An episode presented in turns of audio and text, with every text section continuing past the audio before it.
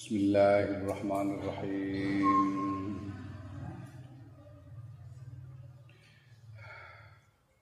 Faslun tawiki kono pasal.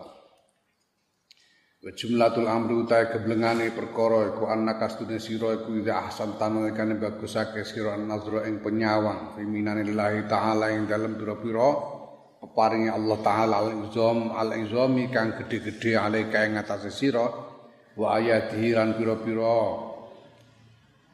Pitulungane Allah.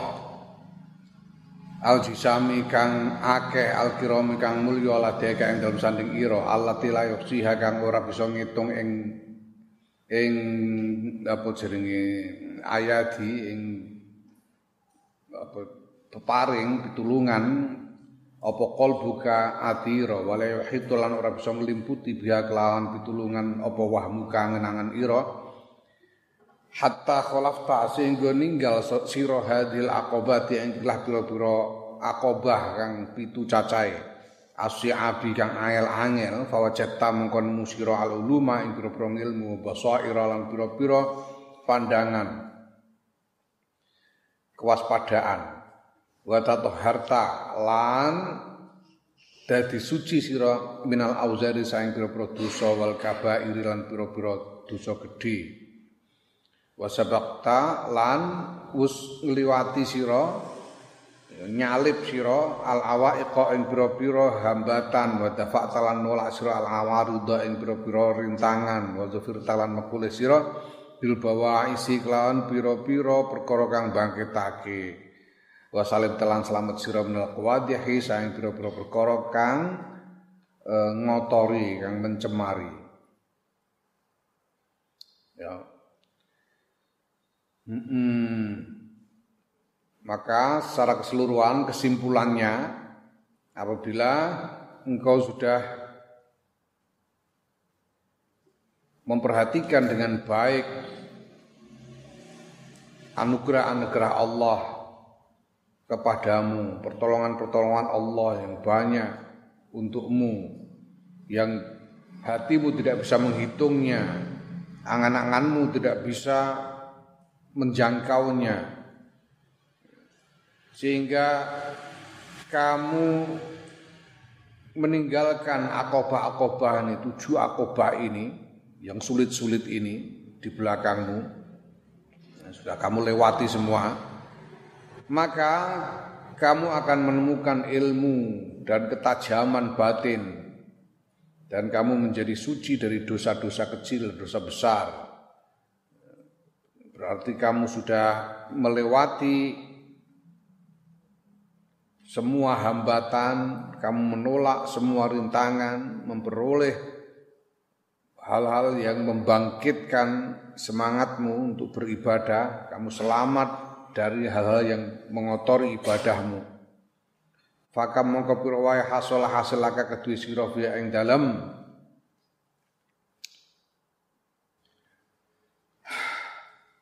ing dalam jumlatul amri maka mongko pirawe hasala hasil kedue sira ing dalam jumlatul amri min khoslatin saing tingkah sarifatin kang mulya batin lan e, derajat aliyatin kang luhur munifatin kang yo luhur.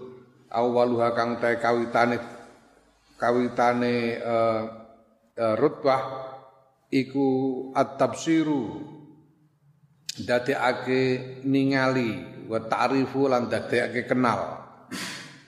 Wa ah wa akhiruha utawi akhire rutbah iku at-taqribu. Dadekake parek wa tasribu wa tasrifu lan dadekake mulya. Wa ta'ammal ta monggo hmm, berapa banyak keadaan apa berapa banyak eh,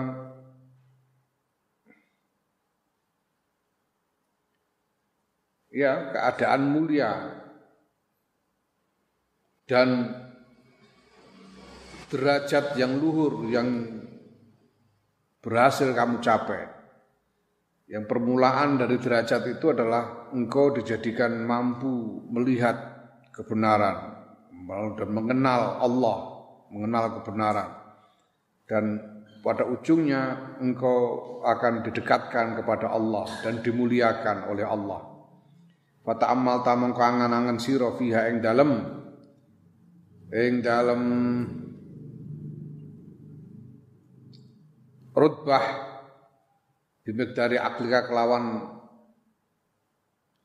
takrane akal ira sejauh kemampuan akalmu wa taufiqi kalan olehmu den tulungi. Syakarta maka syukur sira Allah ing Gusti Allah ala qadri tauqika ing atase kadar kemampuan ira. Bi ayyusgila kelawan yen to nungkulake sapa Allah lisanaka ing lisan ira bihamdi lan muji marang Allah wa sanaihi lan ngalembono marang Allah. Wayam la'alan kelawan yento ngebai sapa Allah qalbaka ing atira bi azmati kelawan keagungane Allah. Bi azmati kelawan keagungane Allah wa bahaihi lan kemegahane Allah wa yuballighaka lan yento nekaake sapa Allah ing sira mablagon ing ing gon tumeka. Yahulu kang ngaling-alingi bainaka ing dalem si sira wa baina isyanihi lan antarane maksiat marang Allah. Wa yub'itsaka oh ya lan bangkitake untuk bangkitake sapa Allah ing sira alal khidmati ing atase ya utawa ya wa ya ba'asalak wa yab'asaka lan yen to bangkitake sapa Allah ing sira alal khidmati ing atase khidmah ngadeni lahum bareng Allah bima kelawan barang amkana kakang mampu kang mungkinake apa ma ing sira.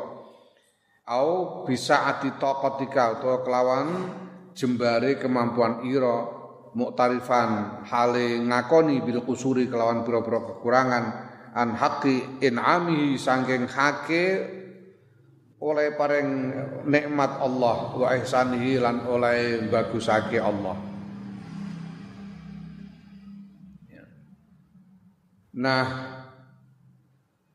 nah selanjutnya kamu memikirkan segala nikmat itu, kedudukan derajat yang mulia, yang luhur itu dengan sejauh kemampuan akalmu dan sejauh engkau mendapat pertolongan dari Allah, kemudian kamu bersyukur kepada Allah sejauh kemampuanmu, menurut kemampuanmu,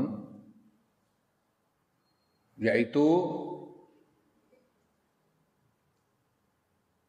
bahwa Allah menjadikan lidahmu sibuk memujinya dan memenuhi hatimu dengan keagungan dan kemegahannya dan membuatmu sampai kepada satu capaian yang membuatmu terhalang dari maksiat dan membangkitkanmu untuk berkhidmah kepada Allah dengan apa pun yang mungkin, dengan cara apa pun yang kamu mampu, atau dengan menurut kemampuanmu, sambil kamu mengakui akan kekurangan-kekurangan dari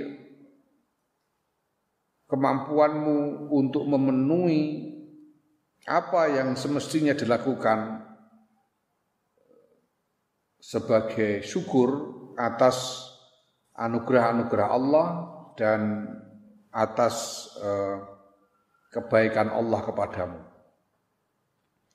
Wa kullama aghfaltalan saben-saben nalikane lali sira lalekake sira sak syukrahu ing syukur marang Allah au fatarta utawa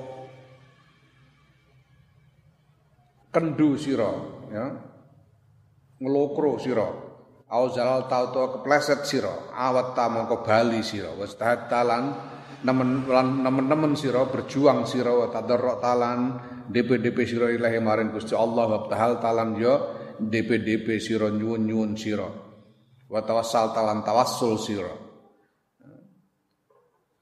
Wa qulta lan ngucap sira ya dan setiap kali engkau lupa bersyukur atau ngelokro semangatmu, mengendor semangatmu atau kamu terpeleset, kamu segera kembali kepada jalan istiqomah dan bersungguh-sungguh berjuang mendekatkan diri kepada Allah dan bertawasul untuk bisa sampai kepada Allah.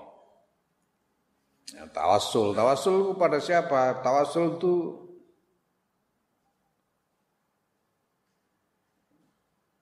ada sejumlah hal yang bisa menjadi tawasul bagi kita.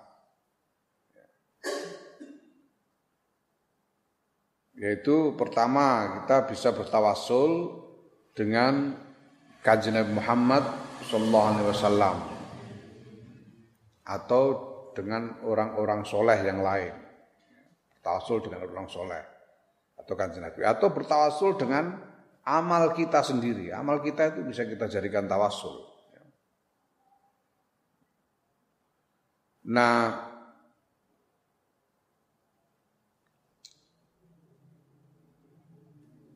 bagi apa orang Wahabi misalnya, mereka ini menentang tawasul orang Wahabi ini. Tidak boleh tawasul itu dianggap syirik. Karena kemudian dianggap menyekutukan Allah dengan selainnya.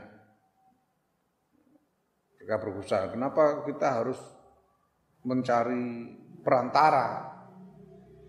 Bukankah Allah itu dekat? Kita bisa langsung kepada Allah, tidak usah melalui perantara.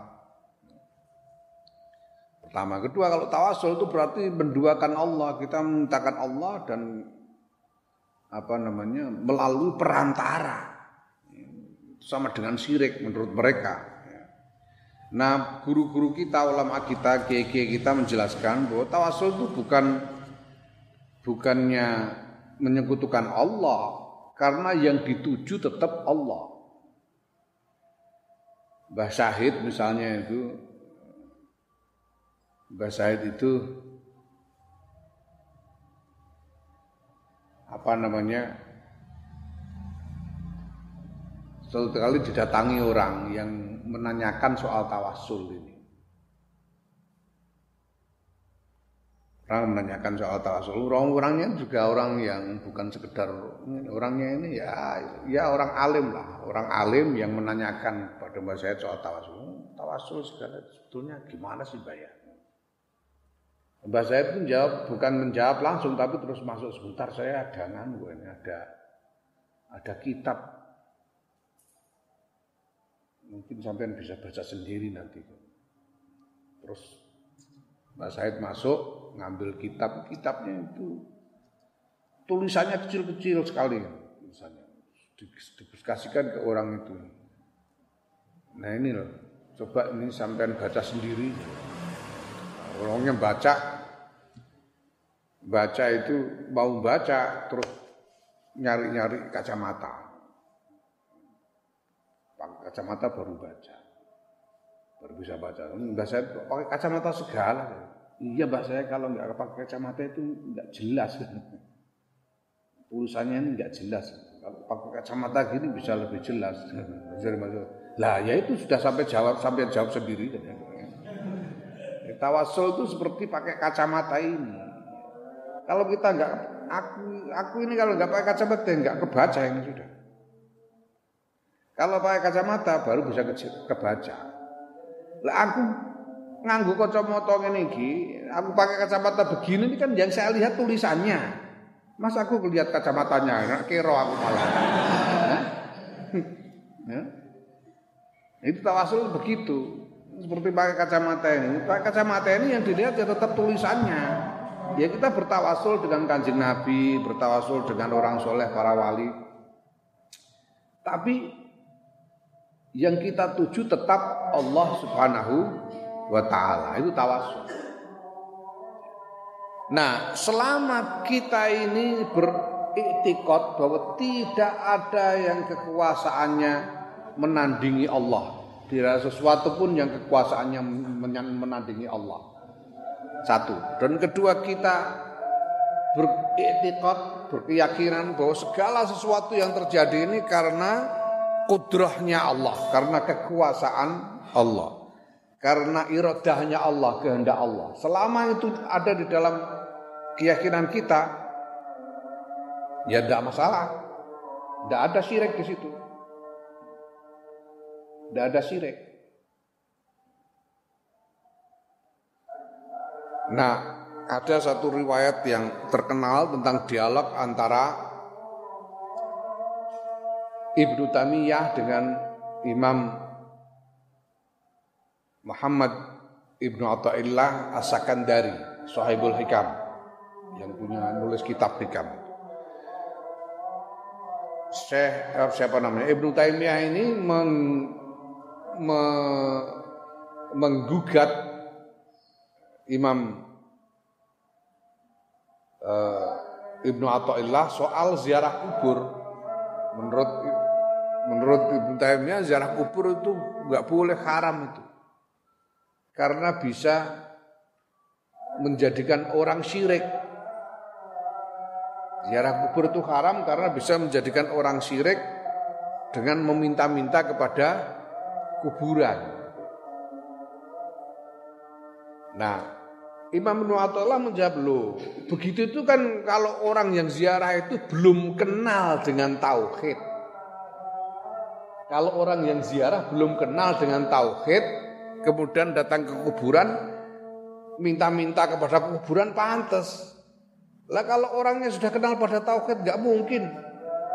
Dia sudah punya iman bahwa tidak ada yang sesuatu pun yang menandingi kekuasaan Allah dan bahwa segala sesuatu terjadi apa segala-galanya itu terjadi atas kekuasaan dan kehendak Allah.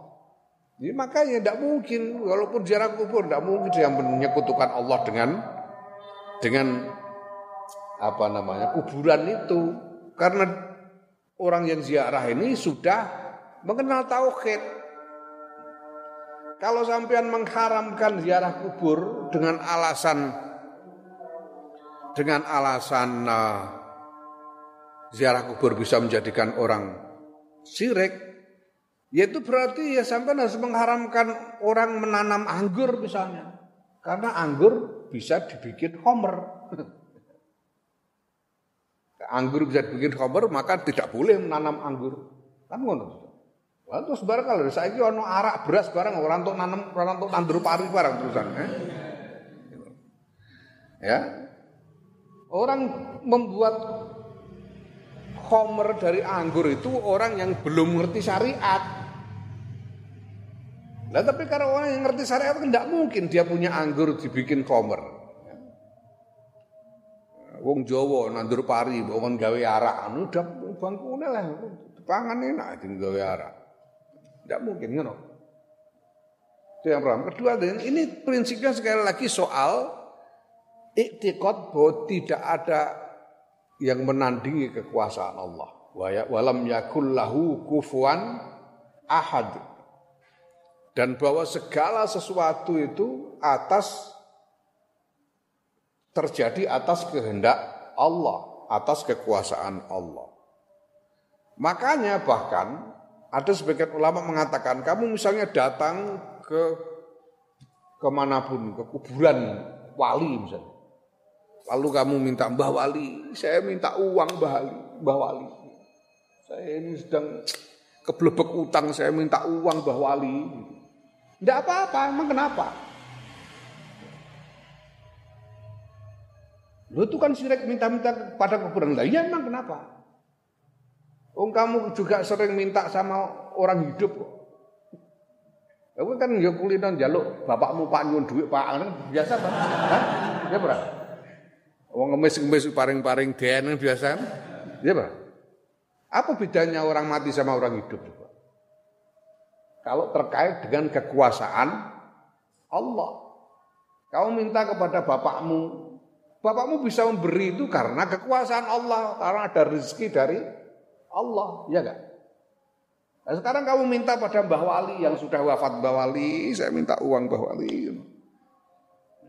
Tapi di dalam hatimu ada etikot bahwa tidak ada yang menyamai, menandingi kekuasaan Allah, bahwa segala sesuatu yang terjadi dan mungkin terjadi semuanya terjadi karena kudroh dan irodahnya Allah. Ini sudah tidak apa-apa. Sehingga kalaupun kemudian ada uang jatuh dari langit ketepuk, kamu etikotmu itu tetap bahwa ini uang jatuh karena kekuasaan siapa? Allah bukan kekuasaan Mbah Wali yang dikubur itu. Mbah Wali ini hanya wasilah. Eh? Mbah Wali kula kula niki jenengan tambani Mbah Wali kula pun sakit. Dagu kula jenengan tambani kersane waras. Boleh.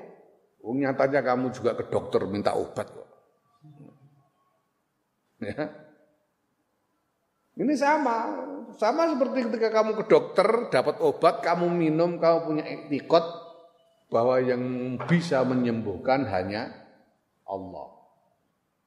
Obat, dokter dan lain-lain ini hanya wasilah. Tawasul itu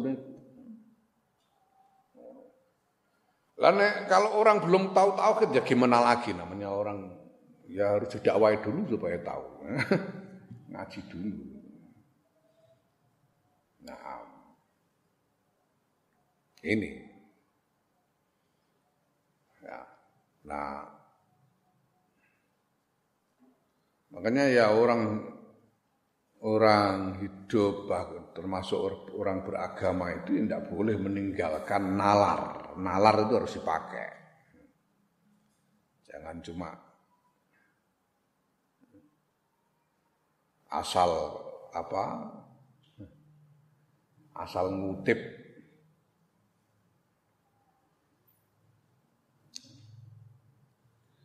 Naam itu wasilah. Kita bertawasul karena seperti apalagi pangkat kita ini. Kita ini tidak tahu. Sedangkan orang-orang soleh yang sudah luhur derajatnya itu saja masih butuh bertawasul apalagi kita. Apalagi kita.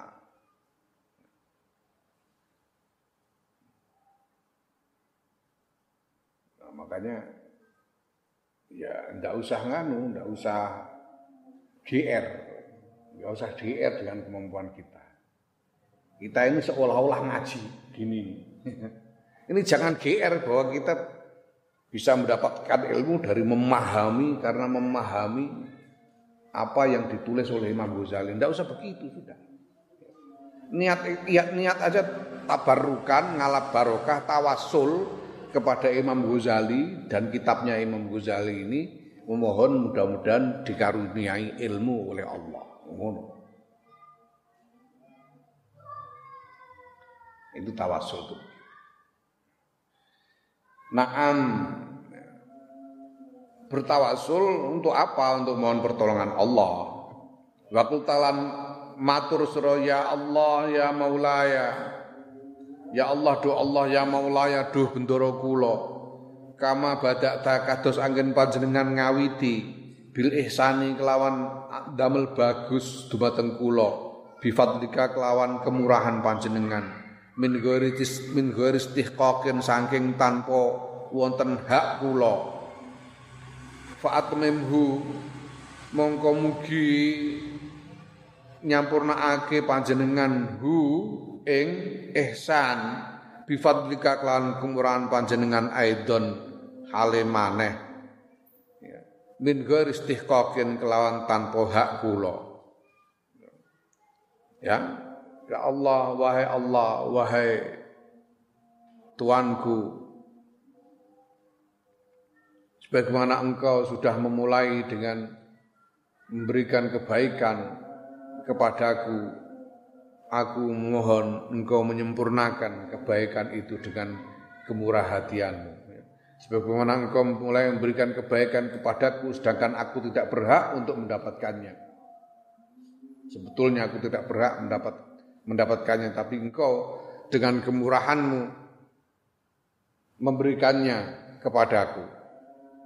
Sekarang aku memohon kepadamu untuk menyempurnakan kebaikan itu walaupun juga sebetulnya aku tidak berhak untuk memperoleh kesempurnaan itu. Ya, memohon dengan mengakui kelemahan kita. Hmm -mm. Wa tunadi lan undang-undang sira ing Gusti Allah binidai auliyaihi kelawan undang-undange wali-waline Gusti Allah. Artinya kamu memanggil-manggil Allah seperti cara para wali-wali itu memanggil-manggil Allah. Para wali alladzina yaiku wong-wong wajatu kang padha nemu sapa alladzina taja hidayati ing mahkota hidayah Allah. Wa zakulan padha padha ngrasakake sapa alladzina halawata ma'rifati ing manise kenal marang Allah fakhofu mongko wedi sapa para sapa alladzina para wali ala anfusihim ing atase awak dhewe ne alladzina hirqatat tardi ing panase den usir wal ihanati lan den inaake wa wahsyatal bu'di lan apa ini gini kitab kita mencoro kuno itu biasanya oleh maknanya rongeh. Rongeh itu tidak nyaman. Rongeh itu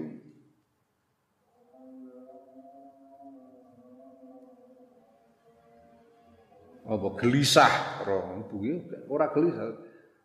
Ora seneng ora enak ning ati. Rogeh. Itu ketidaknyamanan lah ketidaknyamannya jauh darimu.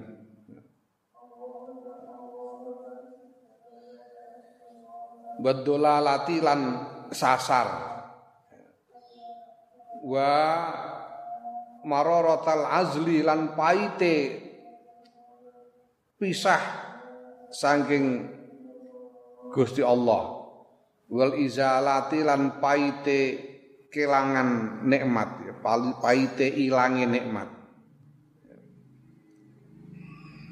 Fatadarrau kok wedi barang iku kabeh fatadarrau mongko padha ndipe-ndipe sapa alladzina bil babi kelawan lawange Gusti Allah mustaghisina hale nyuwun tulung nyuwun pitulungan wa madulan dawaake sapa alladzina ilahi maring Allah al akufa ing pira-pira epek-epek Dungo dengan memanjangkan telapak tangan. Allah. Ya mudunal akufa. Dengan memanjangkan telapak tangan, mengulurkan telapak tangan. Buktailina hale podo DP-DP kabeh wanadu lan podo undang-undang ya. Wanadau lan podo undang-undang sapa alladzina fil kholwati ing dalem panggonan pira-pira panggonan sepi ya Ya, fil kholawati ing dalam pira-pira panggonan sepi mustasrikhina halen jerit-jerit kabeh Kamu manggil-manggil Allah dengan seperti para wali-wali itu memanggil-manggil Allah. Para para wali itu adalah orang-orang yang sudah menemukan mahkota hidayah, sudah merasakan manisnya makrifat kepada Allah. Mereka tak mengkhawatirkan diri sendiri, mereka takut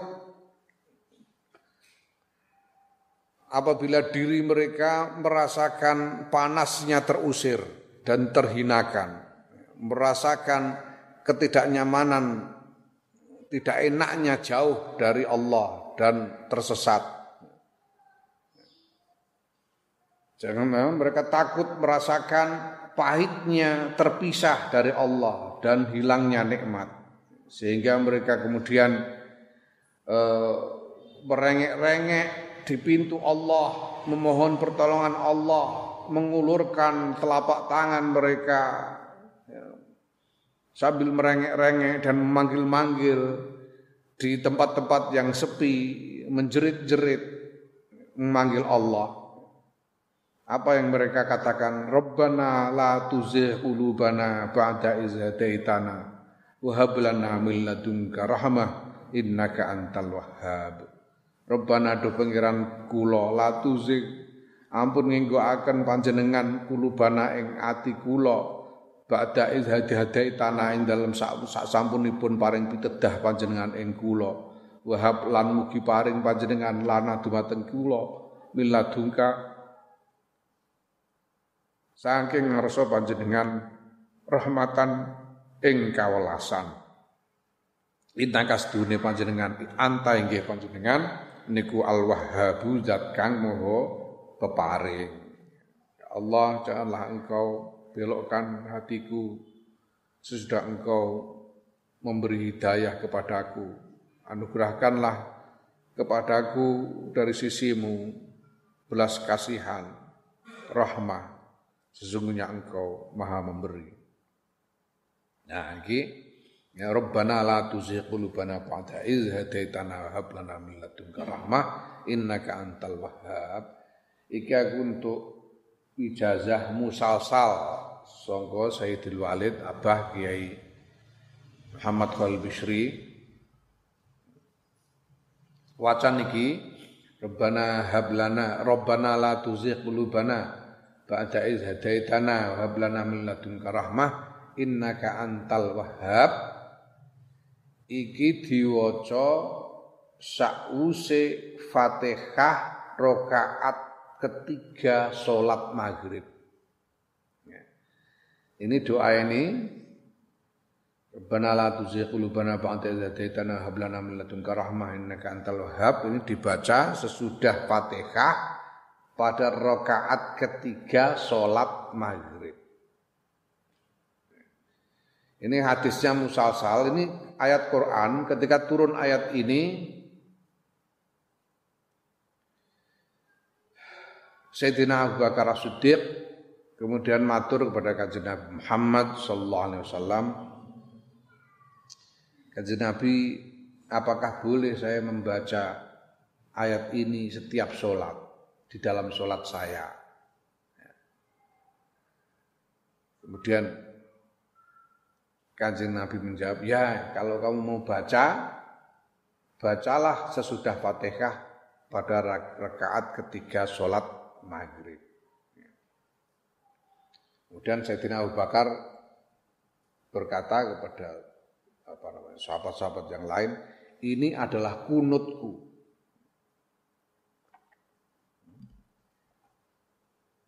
Kunutnya Sayyidina Abu Bakar itu. Kunut dalam pengertian umum yaitu doa yang dibaca di tengah-tengah sholat kunut. Ya, ini Rabbana la tuzigh qulubana ba'da idh hadaitana wa hab lana min ladunka rahmah innaka antal wahhab. Kultu ngucap sapa ingsun ana ya ingsun Imam Ghazali. Takdiru utahe takdire dawuh Rabbana la tuzigh qulubana sak teruse mau. Wallahu halil ta Gusti Allah gua alam luwih ngudaneni. Takdire maksude dawuh iku mau annas tune kula niku wajat nanemu kula mingkasaing panjenengan ya Allah nikmatan ing setunggalipun nikmat. Fato makna mongko nuli kepengin kita fi ukhra ing dalam nikmat sanesipun. Fa inna kamo kostune panjenengan Gusti anta inggih panjenengan niku al jawadu zat kang moho lomo al wahabu kang moho peparing fakama wahabta mila kados angin panjenengan paring lana dumateng kula maziyatal en'ami ing lelangkunganipun nikmat fil ibtidai ing dalem kawitan fahab mongko mugi paring panjenengan lana dumateng kula rahmatal inami ing welasipun nyampurnaake fil intihai ing dalam akhiripun ya. ya Allah kami telah mendapatkan darimu nikmat satu nikmat maka kami mengharapkan, kami menginginkan nikmat yang lain. Engkau sudah memberi kami nikmat dan ketika kami merasakan nikmat itu kamu kami ingin mendapatkan nikmat yang lain juga. Artinya ingin mendapatkan tambahan nikmat yang lain. Sesungguhnya engkau maha murah hati dan maha memberi.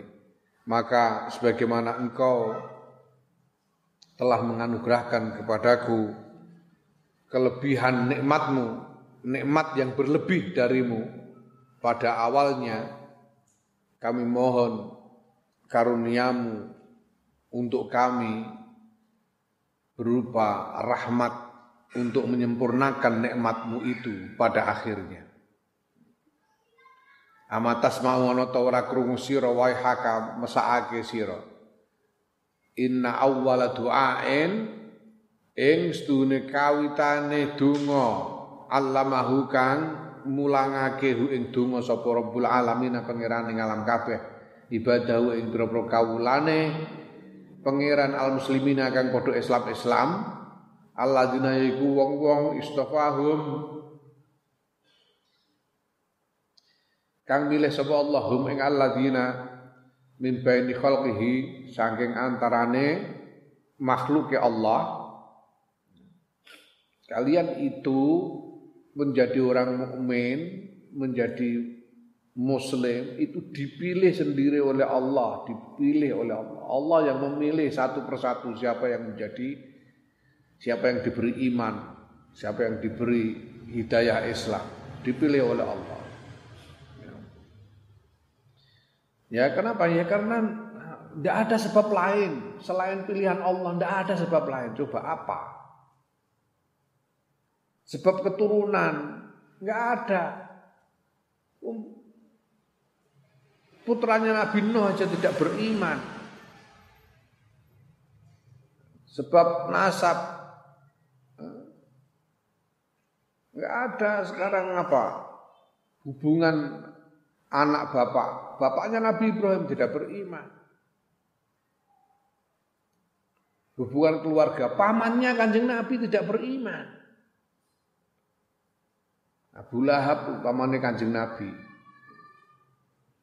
Karena Mbah Ali dawuh mbiyen dawuh kowe nek maca tabat aja banter-banter ya. Kowe nek maca tabat aja banter-banter. Iku mono pamane Kanjeng Nabi. Nek Gusti Allah sing misu-misui pantes dapuranmu kok melu-melu misui. Pamane Kanjeng Nabi ku ora ora pantes. Aja banter-banter nek maca tabat. Karena tabat tabat itu mencerca Abu Lahab, Abu Lahab pamannya Kanjeng Nabi Muhammad sallallahu alaihi wasallam. Yo walaupun kafir, pamannya Kanjeng Nabi udah puranmu melok-melok misoi kula apa. Ya ben Gusti Allah dhewe. Wis mbok nalon-nalon ora coba terbanter. Tidak ada apa. Selain memang anugerah dari Allah. Jadi kalian ini adalah makhluk-makhluk pilihan Allah. Karena kalian dipilih untuk dianugerahi iman oleh Allah dari makhluk di antara sekian banyak makhluk Allah. Ya, makanya minoritas. Karena mayoritas kan jadi pasaran misalnya. Seorang pilihan meneh. Pilihan itu pasti lebih sedikit daripada yang bukan pilihan ra ngono, eh? Mana orang cilik ati. Karena kamu minoritas itu menjadi menjadikanmu istimewa. Ya, seluruh dunia dunia ini penduduknya 7 miliar yang yang statusnya Islam itu sekitar 1,6 miliar. Sekitar tidak ada sepertiga, seperempat. Yang Muslim seperempat. Yang ahlu sunnah wal jamaah Coba berapa? Sekitar ya mayoritas dari Muslim yang alusunah jamaah mungkin sekitar satu miliar. Ya alusunah jamaah.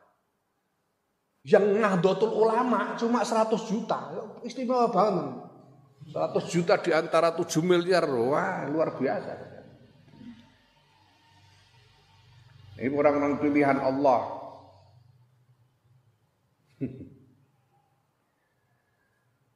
Doa yang pertama kali diajarkan Allah kepada kaum muslimin yaitu orang-orang pilihan Allah ini ya iku hadzat du'au ikilah donga apa doanya itu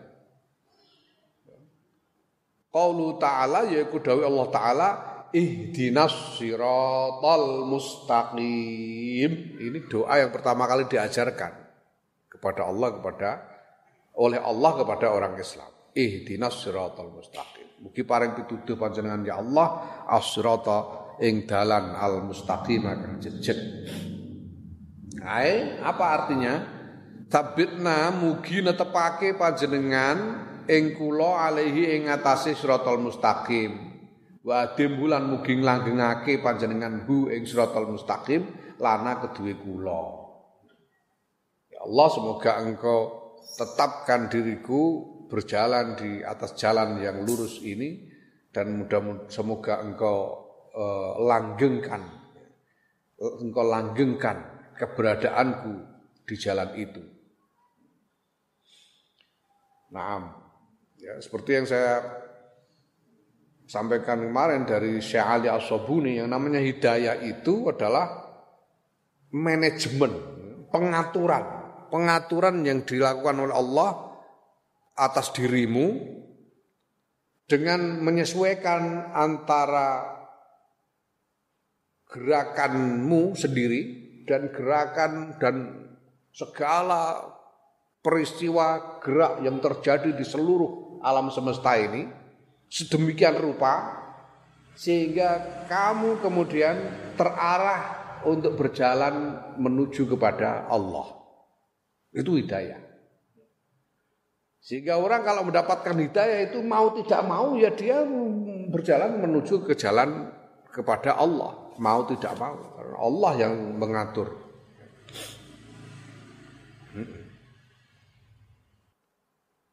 Hakata kayak mengkono-mengkono kaya mengkono-mengkono mazkur donga tata tata tata darrau DP-DP sira ilahi maring Allah. Fa innal khatba mengko sedune perkara iku adimun agung. Demikianlah hendaknya engkau apa me, merengek-rengek kepada Allah mendekatkan diri kepada Allah. Karena soal ini ini adalah masalah yang besar Wakil lantin ketika ake innal hukama astune pira-pira ahli hikmah iku nazaru padha mawas ningali sapa ahli hikmah. Faradu mongko mongko balekake sapa hukama masa ibal alami ing pira-pira musibah alam wa mihanahum lan pira-pira cobane penduduk alam. Kullaha yaskabiyane masaib wal mihan. Den balikake ila khamsin maring limo jadi menurut para ahli hikmah namanya musibah dan cobaan-cobaan itu ada lima perkara. Apa aja? Yaitu al-marodi loro fil gurbati ing dalam panggonan asing. Sakit ketika berada di tempat yang asing, tidak ada sanak saudara. Wal fakri lan melarat fisyaibi ing dalam mongso tuwo. Melarat ketika sudah tua, ketika badan sudah lemah, sudah tidak kuat bekerja, melarat. Ini musibah. Alhamdulillah wal mauti lan mati fi syababi ing dalem mongso nom mati nom musibah. Wal amalan wuto ba'dal basori ing dalam sause ningali. Jadi bukan bukan buta sejak lahir tapi sudah pernah melihat kemudian buta. Wa Iya. Apa iku jar? Lalu tulisannya apa? Fa. Fa apa nun? Ganti nun naik. Nah dikira fa piye terus manani jajal fa. Wal fikrati ngono. Ora cocok kabeh. Nek nun enak, wan nakirati ba'dal ma'rifat. Ngono enak. Hah? Nakira apa mananya? Nakira ya tidak kenal artinya nakiroh itu. Badal makrifat, sesudah kenal. Artinya apa ya dicabut makrifatnya. Ngono ya. Eh gentino nayo, nayo. Ngono ya penting barokah.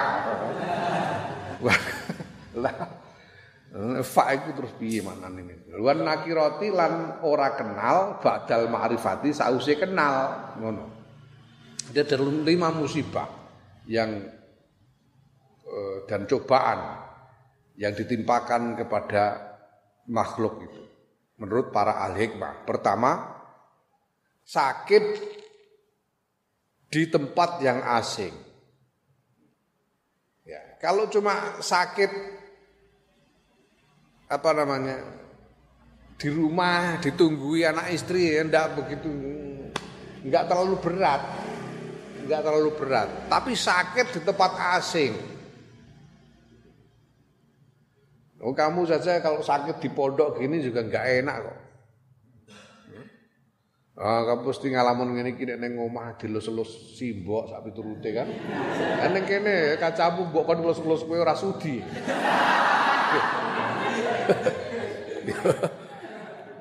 Sakit di tempat asing pertama.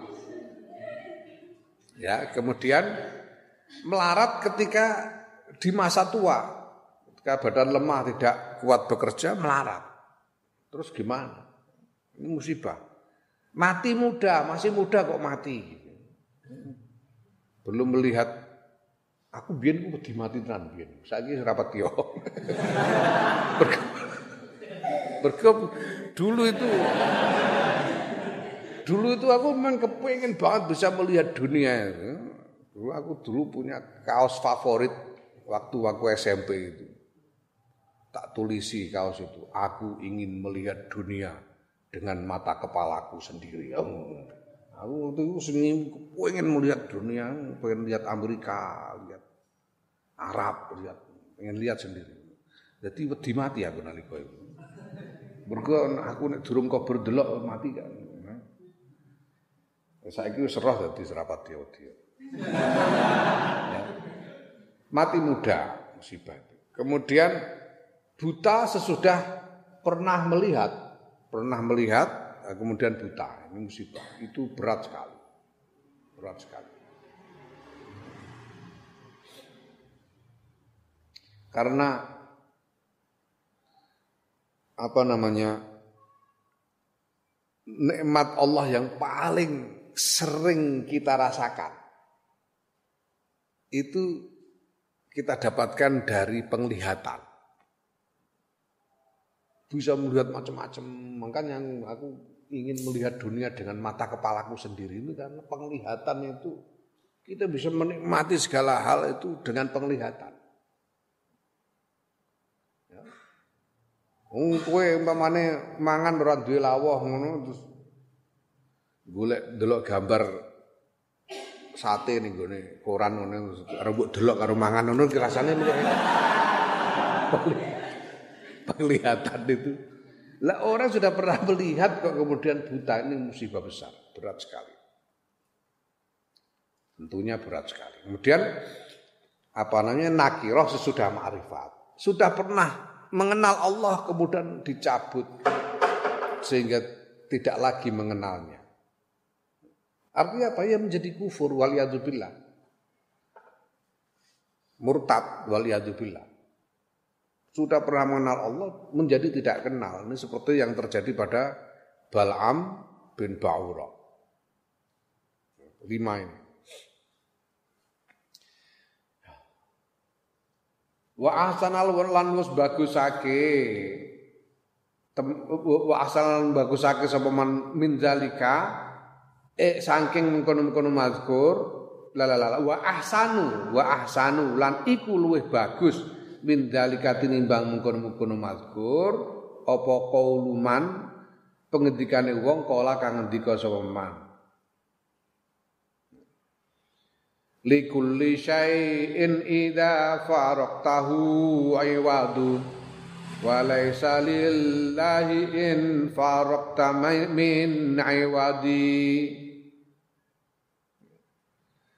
Likulli syai'in iku tetep kedue saben-saben suwiji ida farq tahu nalikane misai sira nalikane pisah sira hu ing sek iwadun utawi ijol.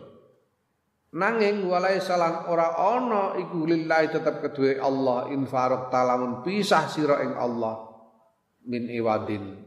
Apa? Ijol. Kalau yang lain-lain itu segala sesuatu itu kalau kamu terpisah darinya kamu kehilangannya kamu akan dapatkan ganti hilang sandal bisa dapat ganti sandal baru Hilang duit bisa dapat ganti, dapat duit lagi. Hilang apa? Hilang bojo rabi neh, Jadi ada gantinya yang lain-lain itu. Tapi kalau kehilangan terpisah dari Allah tidak ada gantinya. Tidak ada gantinya. Kenapa? Enggak ada. Tuhan nyari Tuhan selain di mana lagi? Enggak ada Tuhan yang lainnya. Ya, kalau sandal ada banyak sandal lain.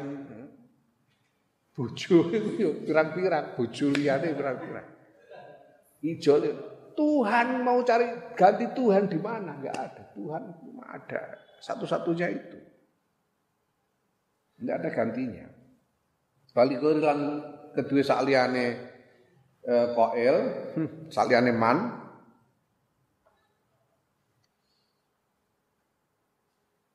Iza abaqad Iza abqatid dunya Iza abqatid dunya alal mar'i dinahu Fama fatahu minha falaisa bidairi